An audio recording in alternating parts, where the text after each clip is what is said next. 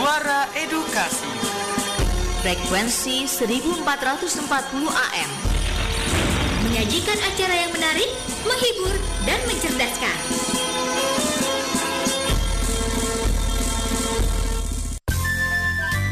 Waktu berputar dan perjalanan peristiwa pun berjalan. Ikuti terus info edukasi, sebuah informasi pendidikan dari Radio Edukasi. Info Edukasi, informasi pendidikan Radio Edukasi. Dinata Ciputat 1440 AM Suara Edukasi Akrab dan Mencerdaskan. Halo, halo, halo. Assalamualaikum warahmatullahi wabarakatuh. Selamat siang Sahabat Edukasi.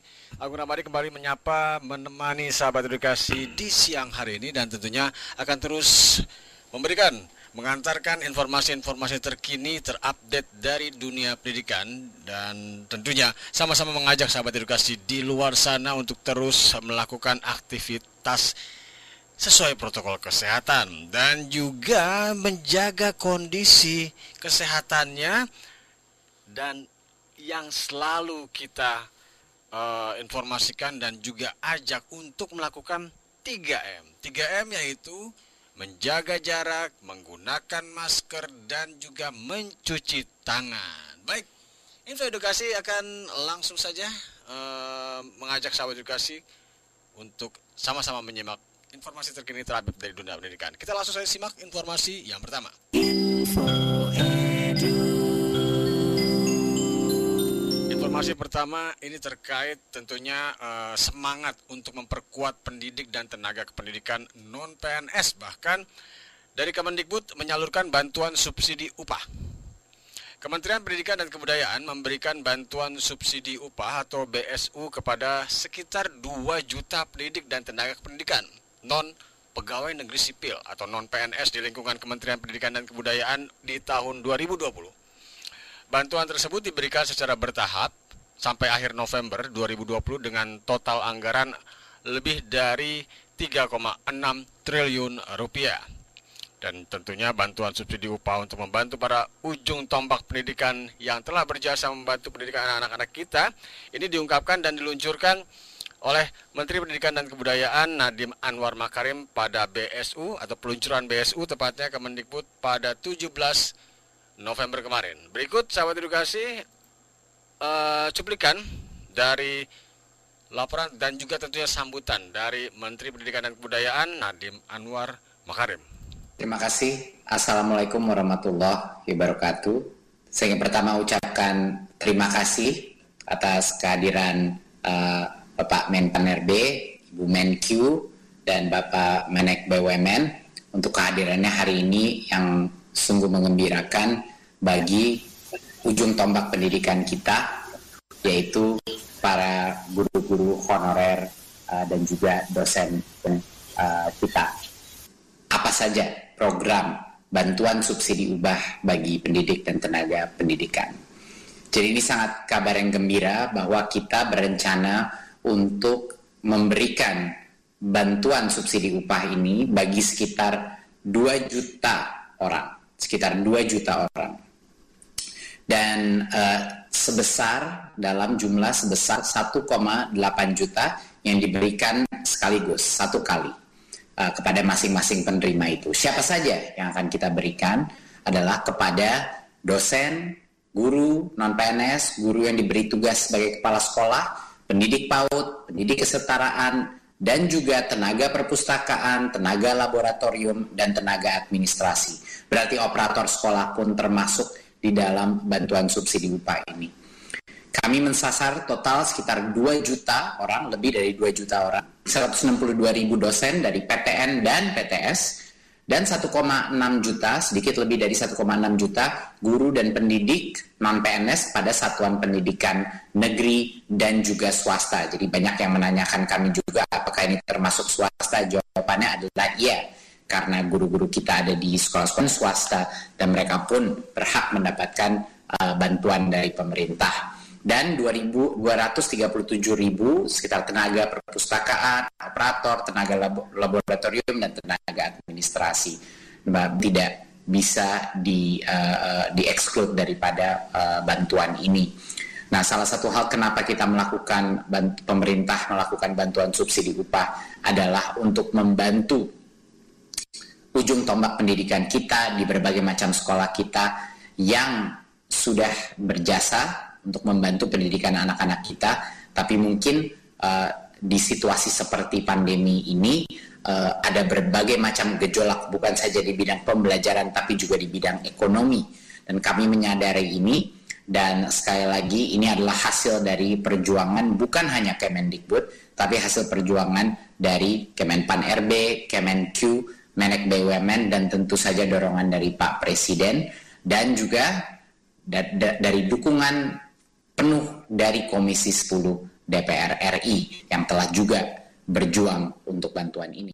Menteri Pendidikan dan Kebudayaan Nadiem Makarim juga menyebutkan untuk bantuan subsidi upah untuk membantu para ujung tombak pendidikan yang berjasa ini diharapkan uh, bisa melindungi, mempertahankan dan meningkatkan kemampuan ekonomi para dosen, guru, kepala sekolah, pendidik pada pendidikan anak usia dini disebutkan. Pendidikan untuk kesetaraan juga tenaga pengelola perpustakaan, tenaga pengelola laboratorium, dan tenaga administrasi non-PNS di lingkungan Kemendikbud dan tentunya di BSU ini disalurkan kepada 162 ribu dosen perguruan tinggi negeri dan perguruan tinggi swasta. 1,6 juta guru dan pendidik pada satuan pendidikan negeri dan swasta, ada 237 ribu tenaga perpustakaan, tenaga laboratorium, dan tenaga administrasi. Menurut Mendikbud, pemerintah selalu mengutamakan kesederhanaan kriteria sehingga memudahkan para calon penerima dalam memperoleh bantuan. Untuk syarat PTK yang mendapat BSU adalah warga negara Indonesia tentunya berpenghasilan di bawah 5 juta rupiah per bulan dan berstatus non PNS serta tidak menerima bantuan subsidi, upah atau gaji dari Kementerian Tenaga Kerja dan bukan penerima kartu prakerja sampai Oktober 2020. Berbagai syarat tersebut tertuang dalam peraturan Sekjen Kemendikbud nomor 21 tahun 2020 tentang perubah perubahan. Tentang perubahan atas peraturan Sekretaris Jenderal Kementerian Pendidikan dan Kebudayaan nomor 19 tahun 2020 tentang petunjuk teknis penyaluran bantuan pemerintah berupa subsidi gaji atau upah bagi pendidik dan tenaga kependidikan dalam penanganan dampak COVID-19 tahun anggaran 2020. Syarat ini menurut Mendikbud agar bantuan adil dan tidak tumpang tindih sehingga tidak ada individu yang menerima bantuan berlimpah dari pemerintah sementara yang lain tidak mendapatkan. Kemendikbud terus mendukung dan juga uh, bersama-sama Kementerian Keuangan dan Komite Penanganan COVID-19 dan Pemulihan Ekonomi Nasional berkoordinasi melakukan pendataan para pendidik dan tenaga kependidikan non-PNS yang dinilai paling terdampak pandemi untuk menerima bantuan. Menteri Badan Usaha Milik Negara atau BUMN sekaligus Ketua Pelaksana KPC PEN Erick Thohir memberikan dukungan atas program BSU ini. Erick Thohir menyebutkan terima kasihnya kepada Mendikbud dan Menteri Keuangan yang sudah memberikan kepercayaan kepada bank milik negara untuk membantu program-program pemerintah dan BUN, eh, Kementerian BUMN mendukung program pemerintah agar data akurat, tidak salah sasaran dan akuntabel. Dukungan yang sama juga disampaikan tentunya oleh Menteri Keuangan Sri Mulyani Indrawati. Menurutnya pandemi COVID-19 merupakan bencana luar biasa dan berdampak terhadap perekonomian khusus di pendidikan. Pembelajaran tiba-tiba harus dilakukan secara daring. Oleh sebab itu kita keluarkan langkah-langkah membantu. Kemudian kita lihat guru-guru non-PNS. Mereka banyak yang pendapatannya di bawah 5 juta rupiah. Dan itu sebabnya pemerintah mengeluarkan BSU bagi mereka. Wakil Ketua Komisi 10 DPR RI sementara itu juga menyebutkan Hetif yaitu Hetifah Syaifuddin menyebutkan juga memberikan apresiasi atas komitmen Kemendikbud terhadap para guru non PNS. Hetifah menyebutkan apresiasinya untuk Mendikbud yang meluncurkan BSU bantuan ini bagai mata air di musim kemarau dan apresiasi setinggi-tingginya diberikan oleh Kemendikbud. Sementara guru SMP Negeri 41 satu atap Batu Putih Maros Sulawesi Selatan, Muhammad Kasim yang juga hadir dalam peluncuran BSU melalui daring menyampaikan apresiasi kepada pemerintah yang sudah memberikan bantuan bagi guru non-PNS. Muhammad Kasim me menyebutkan saya salah satu yang mendapat bantuan dan non PNS bersyukur mendapatkan penghasilan tambahan di samping dari pemanfaatan dana bantuan operasional sekolah. Sementara juga Ketua Majelis Pendidikan Dasar dan Menengah Pengurus Pusat Muhammadiyah yang juga hadir di peluncuran tersebut yaitu Profesor Dr. Haji Baidowi MSI ini menyambut baik kebijakan Kemendikbud dan memberikan apa dalam memberikan bantuan subsidi upah bagi guru-guru non, PNS.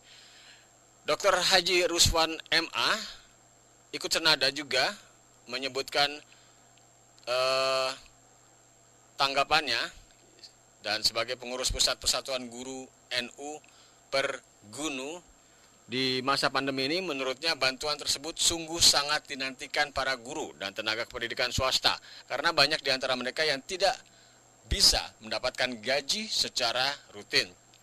Sementara itu Ketua Umum Ikatan Guru Indonesia Muhammad Ramli Rahim mengatakan BSU sangat diperlukan para guru non-PNS. Bantuan ini sangat penting dalam upaya mendukung proses pembelajaran agar bisa terus berjalan. Para guru bisa berkonsentrasi mengajar tanpa memikirkan asap dapur mereka. Agus Nursanto hadir pula dan juga menyebutkan tanggapannya sebagai perwakilan Himpunan Bank Milik Negara bahwa peluncuran BSU ini diharapkan dapat mendukung PTK non-PNS dalam mengemban tugas mulianya mendidik anak bangsa yang dalam situasi pandemi ini menjadi lebih menantang.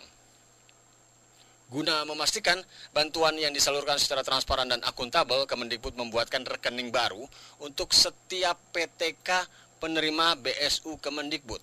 PTK dapat mengakses info GTK di laman info titik titik Kemdikbud titik go titik ID atau di pangkalan data dikti yaitu di alamat pddikti.kemdikbud.go.id untuk menemukan informasi rekening bank masing-masing dalam lokasi cabang dan untuk pencairan bantuan tersebut.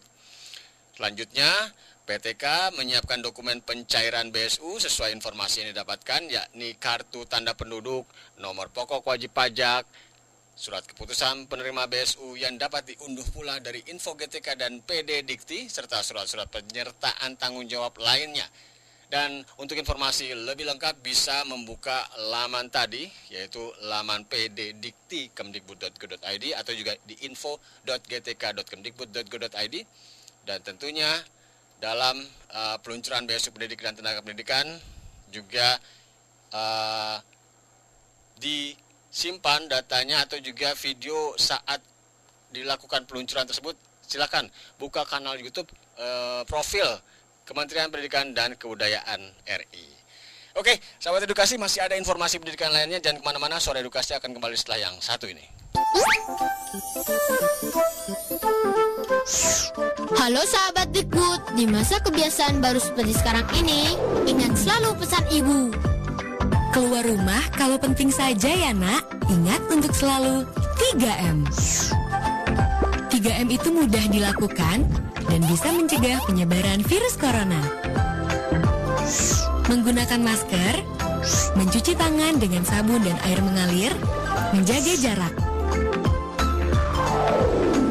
Sahabat Dikbud, kalau kamu sayang keluarga, jangan bawa virus ke rumah ya. Ingat pesan ibu, ingat 3M.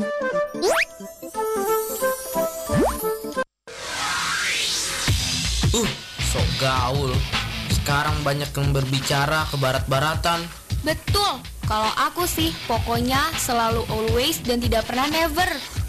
Ya, ikut-ikutan. Menurutmu mana yang lebih penting? Bahasa nasional atau bahasa internasional? Bagiku sih bahasa internasional. Kok bisa? Bagaimana tidak lebih penting? Namanya saja internasional atau dunia. Dar, permisi. Ah, sudah masuk rumah baru permisi. Hehehe. Tadi mendengarkan percakapan kalian soalnya. Terus maksud you? Kalau aku sih lebih mementingkan bahasa nasional atau Indonesia. Betul, aku juga lebih mementingkan bahasa kita, Indonesia. Hmm, alasannya? Bahasa asing memang penting agar kita mampu bersaing dalam kehidupan global. Namun bahasa Indonesia jauh lebih penting loh untuk diutamakan. Sepakat. Hanya melalui bahasa Indonesia kita mampu mempersatukan berbagai suku bangsa dengan beragam budaya, bahasa dan adat istiadat ke dalam satu kesatuan bangsa Indonesia. Hmm, betul juga ya. Mari berkomitmen memartabatkan bahasa Indonesia dalam kehidupan bermasyarakat, berbangsa, dan bernegara. Bahasa Indonesia adalah citra, jati diri, serta simbol kedaulatan bangsa. Sahabat edukasi, di tengah masa isolasi di rumah terkait wabah virus corona 19, bila harus keluar rumah untuk kepentingan mendesak, seperti membeli keperluan sehari-hari, jangan langsung masuk rumah ya. Ikuti petunjuk protokolnya berikut ini. Pertama, ketika tiba di rumah, cobalah untuk tidak menyentuh apa pun. Kemudian buka sepatu atau alas kaki saat masuk ke rumah ya. Buka pakaian dan masukkan dalam mesin cuci. Mandi untuk membersihkan semua area badan. Masukkan kunci, dompet, dan lain-lain ke dalam sebuah kotak. Bersihkan semua barang yang dibawa. Jangan lupa gunakan sarung tangan. Lepaskan sarung tangan dan buang. Lalu cuci tangan pakai sabun. Nah, bila sahabat edukasi memiliki hewan peliharaan, jangan lupa disinfeksi kaki cakar hewan jika ia sudah keluar rumah ya. Disinfeksi tujuannya untuk mengurangi resiko penyebaran virus corona. Pesan ini disampaikan oleh Suara Edukasi Pusdatin Kemdikbud bersumber dari www.covid19.go.id dan Instagram at Kemenkes underscore RI. Yuk di rumah aja lawan COVID-19.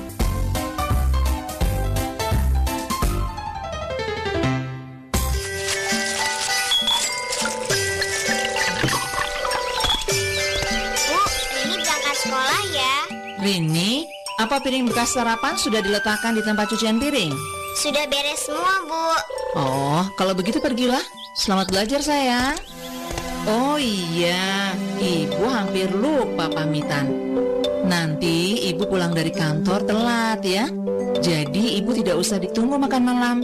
Rini makan malamnya bersama bapak saja ya. Iya, Bu. Terima kasih. Memangnya ibu mau ke mana? Ibu mau menjenguk teman di rumah sakit. Bu, Rini berangkat ya. Assalamualaikum. Waalaikumsalam. Lingkungan keluarga menjadi contoh dan teladan utama dalam mendidik anak agar bersikap dan berperilaku sopan dan santun.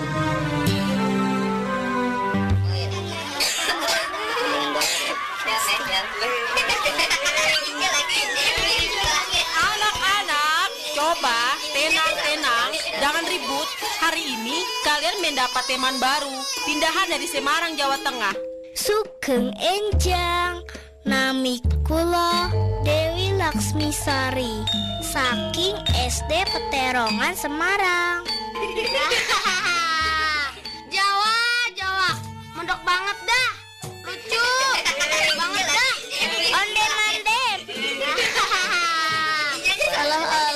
alah di Semarang ya kumaha damang. Beta pikir dari Ambon, sama-sama hitam manis sih. Sudah, sudah, silakan saja kalian tertawa. Yang penting besok kita harus juara. Hah? Juara apaan, Mat?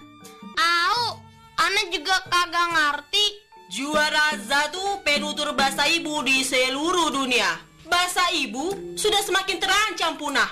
Paham kalian?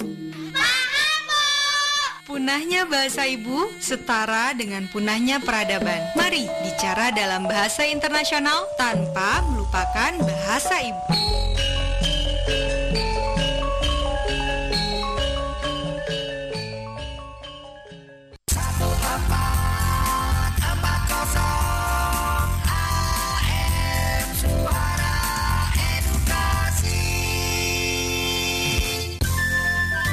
Waktu berputar dan perjalanan peristiwa pun berjalan.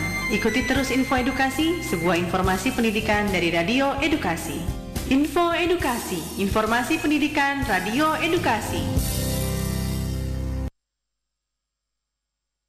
1440 AM, suara edukasi akrab dan mencerdaskan. Bisa didengarkan di laman suaraedukasi.kemdikbud.go.id atau sahabat edukasi yang memiliki gawai atau juga gadget-gadget yang ber-OS Android atau juga uh, iOS ini bisa mengunduh aplikasi yang namanya TV Edukasi.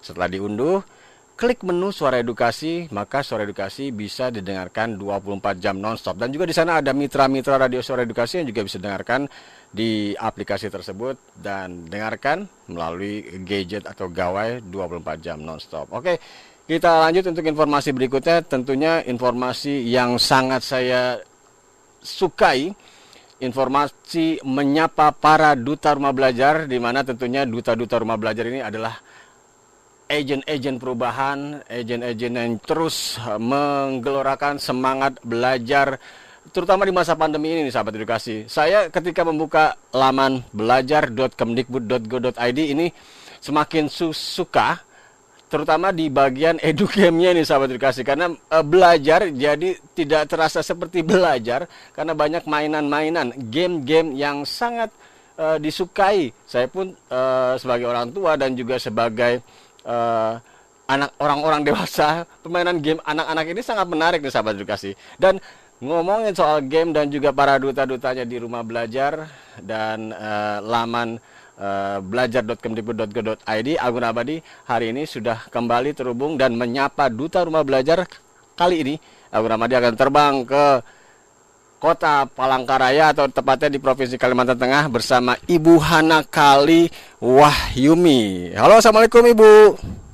Waalaikumsalam Mas Agung, apa kabarnya? Betul ya Bu ya, namanya uh, saya khawatir salah Wahyumi betul Bu ya? Wah, Mah Wahyuni, Wahyumi betul ya Bu ya? Yumi, pakai M. Oh, pakai Wahyumi. Oke, Ibu, Bu Hana saja saya panggil ya Ibu ya. Bu Hana, pertama tentunya apa kabarnya? Sehat? Alhamdulillah sehat. Oke, Ibu, Palangkaraya sedang seperti apa sekarang, terutama dalam masa pandemi ini? Uh, zona-zonanya seperti apa sih, Bu? Uh, saat ini sih masih di zona merah, Mas. Mm -hmm. Kami juga masih melakukan pembelajaran dari rumah. Oh, oke, okay, oke, okay, oke. Okay. Belum uh, mungkin kadang berkurang, tiba-tiba juga bertambah seperti itu. Ada klaster baru gitu ya jadinya ya. Iya. Oke. Bu Hana, kalau berbicara tentang uh, pembelajaran daring, Ibu mengajar di SM SMA 2, betul Ibu ya? Betul Mas, di SMA 2 Palangkaraya. SMA 2 Palangkaraya dan saya lihat ini mengajar bahasa Jepang. ini yang satu, satu menarik bio yang saya setelah baca, uh mengajar bahasa Jepang, keren sekali nih. Apa putra saya yang paling kecil saja sudah mulai uh, Bapak tahu uh, arigato gozaimasu. Aduh, ini. Ibu, ceritanya seperti apa, Bu? Bahasa Jepang uh, di SMA Negeri 2 Palangkaraya. Ini seperti apa jadinya, Bu, di masa pandemi terutama?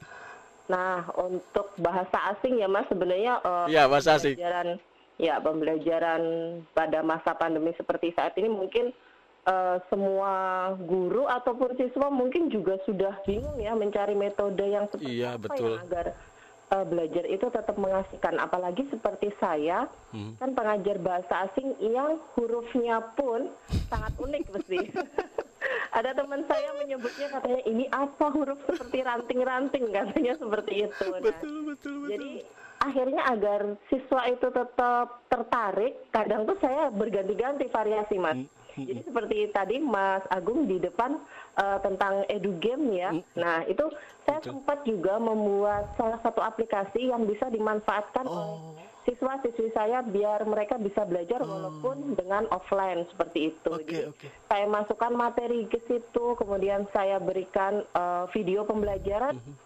Dan kemudian saya berikan kuis-kuis kecil untuk mengukur kemampuan mereka pada bab-bab tertentu. Seperti itu, Mas. Jadi ternyata siswa selagi main game ternyata diukur juga kemampuannya ya Bu ya.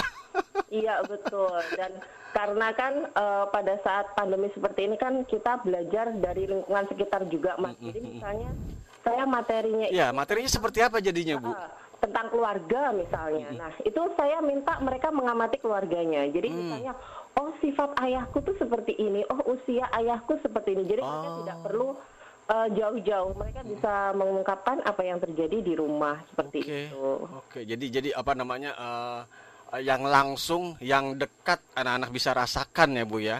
Dan itu apa ditangkap harus bisa ditangkap sama para guru-guru untuk untuk mengeksplor apa terutama situasi masa pandemi seperti ini ya bu ya.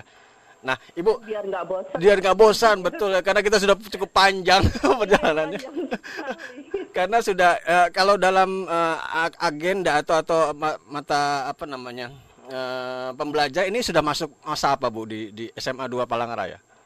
Ujian kah atau atau tes atau apa? Ini masih mau nanti Masih. uh, akhir November, Akhir November. ada penilaian akhir semester. Nah, jadi kan sudah satu bulan Mas bayangkan tidak Betul. bertemu secara langsung. jadi pelajarannya hai- lewat Zoom, kemudian Betul. kita lari ke sana kemari yang gimana biar tetap itu sih tetap asik gitu. Tetap asik sih memang ya, tapi juga cukup panjang dan saya lihat status-statusnya para duta rumah belajar ini saya saya lihat butuh piknik, butuh piknik.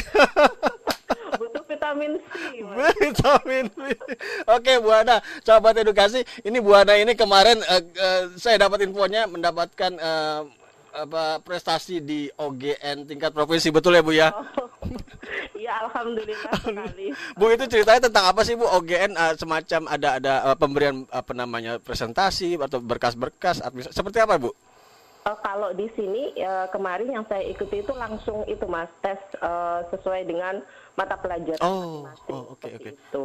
Jadi eh, beberapa guru bahasa Jepang ikut, kemudian alhamdulillah saya yang terpilih. Jadi kayak nggak nyangka juga. Dan kebetulan tanggal 17 November itu kan juga ulang tahun UNESA, alma Oke. mater saya. Betul, Nah, betul. Itu jadi jadi kado terindah lah buat UNESA Iya. seperti itu. Ada apa namanya seleksi-seleksi seperti itu? Ada eh, dengan Kemarin pendaftarannya secara online aja, jadi beberapa yang terpilih langsung Hmm. ke provinsi seperti itu. lalu ada ada eh, apa namanya yang dipresentasikan dari ibu atau atau atau apa yang dibawakan? Kemarin langsung Langsung saja Oh, saja, Mas. pemilihan. Oke.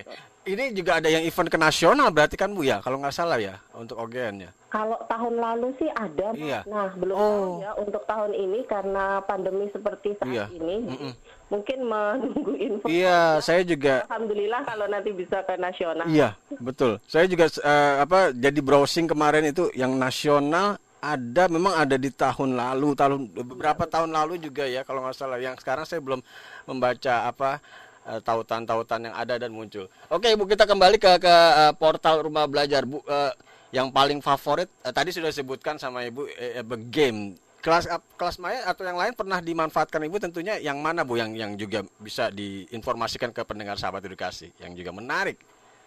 Iya, yang menarik kelas maya itu juga menarik karena di situ juga kita bisa mengelola kelas dengan baik ya, Mas. Dan kita bisa mengetahui oh siswa kita tuh hari ini masuk loh ke kelas maya. Oh, hari ini berapa kali mereka masuk itu bisa. Kemudian satu lagi juga ada sumber belajar itu eh, favorit juga itu Iya. pada saat Bapak Ibu eh, Butuh. guru misalnya habis nih ide misalnya Habis seperti ide, itu betul, ya. betul. Terus kemudian uh, mencari referensi untuk sumber belajar yang bisa dimanfaatkan uh, di masa. PJJ ini bisa download di sumber belajar seperti Iya, itu Mas. betul. Ber- berarti bahkan beberapa teman yang juga eh, eh, suka mengakses rumah belajar kalau sudah apa eh, apalagi nyari-nyari tempat-tempat yang bisa di-download ya itu ke ke, ke apa sumber belajar tadi ya. Jadi bisa dirujukan juga. Ibu tadi saya sebenarnya juga ingin mengajak eh, sis- salah satu siswa ibu juga nih ketika melihat baca profilnya dengan bahasa Jepang. Wah, ini biasanya para siswa para siswa dengan bahasa-bahasa asing ini ini antusias. Kalau kalau di Palangkaraya sendiri di, di SMA Ibu seperti apa Bu jadi anak-anak Bu? Ter- terhadap bahasa Jepang ini me- melihatnya atau antusiasnya sebesar apa? Iya. Eh, saya kan kebetulan mengajarnya di eh, kelas IBB ya Mas. IBB. Bahasa dan budaya. Mm-mm. Nah, itu eh, kalau dulu kelas bahasa sebutannya. Iya, Jadi A4 saya kalau zaman saya. uh, uh, kelas 10, 11 dan 12. Uh-huh. Kemudian ada juga di kelas MIPA itu Oh. untuk lintas minat. Nah, kadang anak-anak kan eh, terbatas ya Mas ya nggak Mm-mm. semua kelas saya eh, memberikan pelajaran Ah. tentang bahasa Jepang itu Mm-mm. biasanya anak-anak itu mas sekarang tuh membuat klub gitu Mm. jadi semada Japanese Club jadi mereka di situ tuh kumpulnya anak-anak yang suka di Jepangan pokoknya semuanya ngumpul di situ kadang Oh. bikin makanan Jepang Hmm. kemudian mereka juga belajar budayanya seperti itu cosplay segala macam jadi kreatif anak-anak sekarang ini. Beda seperti kita dulu ya. Kalau kita dulu kan eh, terbatas. Nah sekarang dengan media yang sudah sangat maju teknologi yang sangat maju itu anak-anak cepat sekali mendapatkan informasi. Seperti itu. Oke Ibu, sebentar. Eh, terakhir Bu, sebagai apa closing statement yang juga eh, apa namanya bisa eh, jadi semangat untuk apa namanya para guru-guru lain agar juga bisa terus memanfaatkan portal rumah belajar juga atau bahkan oh ya sebelum closing saya ingin tanya perkembangan untuk ini Bu pembatik. Pembatik seperti Ah, apa Bu? pembatik. Iya, di Nah. Kalteng. Nah, itu seperti apa Bu? Update-nya. ini sedang kemarin eh, menentukan lima besar. Jadi mungkin bapak-bapak atau bapak ibu guru ya, sahabat rumah belajar itu pasti sedang menunggu nih mas. Wah saya masuk lima besar gak? Nah itu nanti ditunggu dulu infonya. Jadi untuk mencapai ke DRB tahun 2020 masih ada eh, lima besar. Itu harus dinanti dulu gitu. Ada ada berapa ini Bu sebelum sampai ke 30 pendaftar atau juga yang ter, ter- apa ikut di DRB ah, di pembatik? Di Kalimantan Tengah Ya, ya, Mas, di Kalimantan Tengah. ada eh, 800 lebih Wow. untuk mencapai ke 30 itu. Jadi di level 1 kemarin ada 800 pendaftar. Hmm, hmm.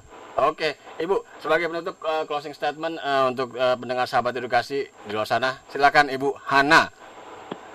Iya, terima kasih Mas Agung dan Suara Edukasi atas kesempatan yang diberikan. Untuk Bapak Ibu dan adik-adik semua yang mendengarkan siaran ini, semoga tetap semangat pada masa pandemi seperti saat ini dan jangan lelah. Kita harus tetap semangat agar kita juga bisa memberikan yang terbaik untuk peserta didik kita. Dan jangan lupa selalu kunjungi portal Rumah Belajar. Belajar di mana saja, kapan saja, dan dengan siapa saja. Terima kasih Mas Agung. Sama-sama terima kasih Ibu Hana Kaliwahyumi SPD dari SMA Negeri 2 Palangkaraya mengajar bahasa Jepang. Bu, kalau eh, sebagai penutup eh, selain hari arigato apa Bu yang yang enak dengan bahasa Jepang? Oh, dengan bahasa Jepang. Oke. kelas. Hmm, karena kita mau eh, mengucapkan sampai jumpa gitu ya, Mas. Iya, betul. Kan kita nggak tahu nih eh, mau ketemunya kapan. Nah, saya ucapkan sayonara, jamata. Nah, seperti itu. Jakarta cukup Oh iya, Mas, ada satu lagi nih. Satu lagi, saya silakan. punya em, apa ya? Kayak kotobaza eh, kalau di sini hmm, apa seperti ungkapan gitu ya. Itu eh, seperti ini. Nana Korobi Yauki. Jadi jatuh tujuh kali, bangkit delapan kali. Jadi kita tuh jangan patah semangat. Ah. Kita mungkin bisa jatuh berkali-kali, tapi kita harus tetap bangkit. Iya. Gitu. Ada lebih ya. Lebih Iya, dari semangat. lebih. Jadi misalnya sudah jatuh dua kali, harus bangkitnya itu harus tiga kali. Harus Siapa bangkitnya tiga ketiganya kali. kan kita sukses. Nah, seperti itu mas. Oke, sekali lagi terima kasih banyak eh, Ibu Hana. Eh, lain kali kita ngobrol-ngobrol lagi lebih panjang dan eh, tentunya untuk untuk terus mengupdate eh, perkembangan di Kalimantan Tengah, terutama di dunia pendidikannya di sana. Seperti apa? Oke, Ibu Hana. Terima kasih mas. Salam dari Pusdatin Kemendikbud. Wassalamualaikum warahmatullahi wabarakatuh. Waalaikumsalam warahmatullahi wabarakatuh. Oke, sahabat edukasi kita sudah ngobrol-ngobrol singkat dengan Ibu Hana yang juga duta rumah belajar dari provinsi Kalimantan Tengah eh, dan tentunya mengajar di SMA Negeri 2 Palangkaraya. Ini eh, salah satu duta rumah belajar yang juga eh, terakhir update-nya mendapat prestasi di OGN tingkat provinsi dan juga mengajar bahasa Jepang. Nih sahabat edukasi yang ingin belajar eh, bahasa Jepang silakan DM YouTube-nya DM Instagramnya Ibu Hana Kali Wahyumi SPD dan tentunya para guru-guru duta rumah belajar ini siap untuk menjadi agen-agen perubahan bagi daerahnya dan juga bagi Indonesia. Oke, dengan informasi tadi menutup kebersamaan kita di Info Edukasi hari ini. Selain ada program-program lain yang juga menarik untuk tetap disimak, menarik untuk tetap didengarkan hanya di Suara Edukasi yang akrab dan mencerdaskan.